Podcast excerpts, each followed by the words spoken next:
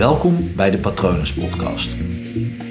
Mijn naam is Paul Vet en in deze podcast deel ik inspiratie voor een leven vol vrijheid en verbinding.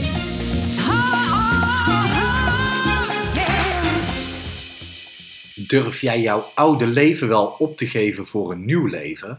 Voor een nieuw onbekend leven?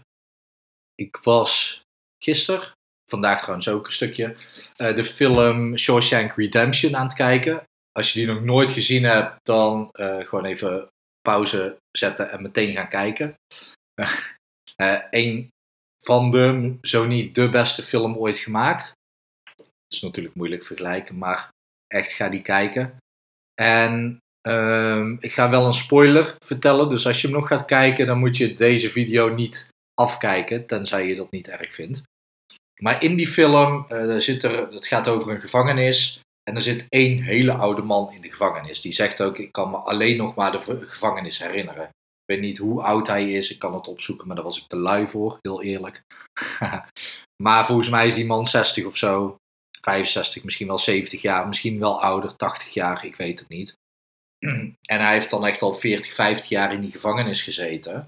En opeens um, wordt hij vrijgelaten door middel van een bepaald systeem moet hij tegenover vier mensen gaan zitten en uitleggen waarom dat hij weer terug in de maatschappij kan keren. En opeens wordt hij vrijgelaten. hij wordt dus vrijgelaten en hij komt te werken bij een lokale supermarkt en moet daar zakken inpakken voor mensen en die meegeven. En je ziet dan alles dat hij daar super ongelukkig is. Terwijl eerst zat hij dus in de gevangenis, was hij gewoon aan regels gebonden, op het moment dat hij zich niet aan de regels hield, dan kreeg hij straf, kreeg hij slaag. Een gevangenis is natuurlijk een hele gevaarlijke omgeving, dus altijd dreiging. Uh, aan de andere kant, hij zat in de gevangenis en hij mocht daar de bibliothecaris zijn.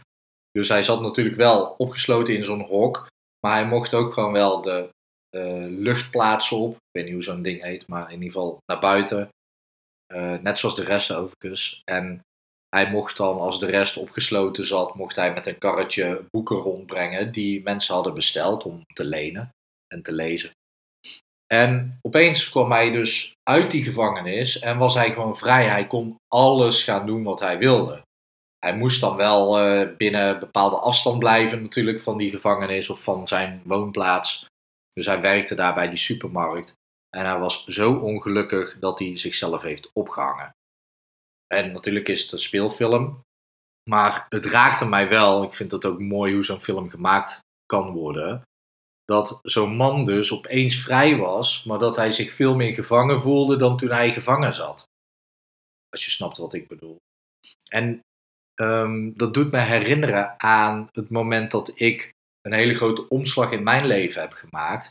In 2012 um, tot aan ergens 10 juli uh, had ik mijn emoties gewoon afgesloten voor alles en iedereen. En opeens brak iemand die open en was daar een hele nieuwe wereld voor mij. Maar die nieuwe wereld was voor mij niet zomaar meteen heel rijk en gelukkig. Want opeens voelde ik van alles en kon ik dus ook gekwetst worden. Kon ik ook pijn ervaren, kon ik ook verdriet ervaren. Dus die hele nieuwe wereld is misschien wel iets waar ik naar verlangde. Maar op het moment dat ik die nieuwe wereld binnenstapte, dat nieuwe leven, ja, dat, dat was wel echt even schrikken. En um, bij mij is het op deze manier gegaan dat iemand gewoon keihard door mijn muren heen brak. Maar op het moment dat jij dus op het gebied van persoonlijke ontwikkeling aan de slag aan het gaan bent, dan zou het zelfs zomaar kunnen zijn dat jouw oude leven zo veilig en vertrouwd aanvoelt, dat je misschien wel bewust denkt, hey, ik wil daar vanaf, maar dat je onbewust eigenlijk aan het tegenstribbelen bent om die verandering te doormaken. Want die nieuwe wereld, dat nieuwe leven, dat zou zo ook maar eens gewoon heel spannend kunnen zijn. En het is onbekend, dus je weet niet wat je daar aan gaat treffen. Een mooie uh, uitspraak is dat mensen liever vasthouden aan bekende pijn dan uh, nieuw en onbekend geluk omarmen. Ik ken hem van 365 dagen succesvol. Waar of Arjan, ik denk dat Arjan hem uh, bedacht heeft, Arjan kennende. Maar het zou ook zomaar David kunnen zijn, geen idee. Uh, sorry mannen, als ik, uh, als ik het door elkaar haal, dan moet je maar gewoon eventjes bellen of zo. Maakt ook geen zak uit. Maar vasthouden aan onbekende pijn, dat is wat, wat veel mensen echt doen vanuit veiligheid.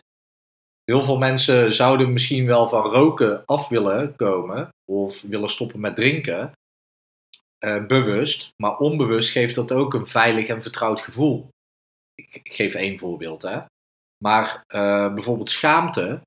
Ik heb me heel erg lang geschaamd voor mijn lijf, omdat ik 120 kilo woog. En uh, voor mij zorgde dat er automatisch voor dat ik ook heel makkelijk nee durfde te zeggen tegen mensen als ze bijvoorbeeld mij uitnodigden om mee te gaan zwemmen.